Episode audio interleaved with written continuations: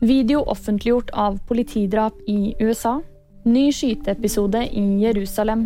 Og snøskredfaren øker.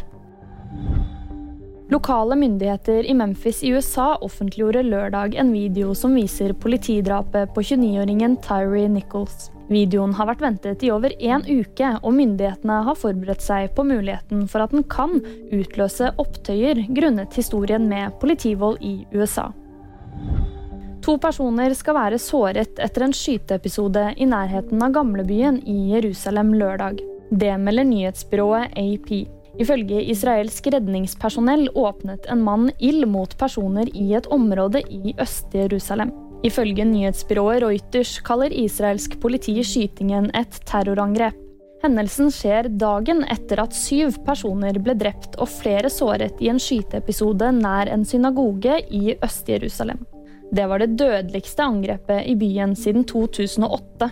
Fredag uttrykte FN stor bekymring på Twitter og ba om at den endeløse voldsspiralen må ta slutt. Hvis du skal på tur, bør du sjekke varslene for snøskred. Hovedredningssentralen i Sør-Norge advarer mot økt snøskredfare pga. store mengder nedbør. Hold god avstand til bratt terreng og utløpsområder, skriver de på Twitter. Og VG-nyheter fikk du av meg, Silje Enghaug.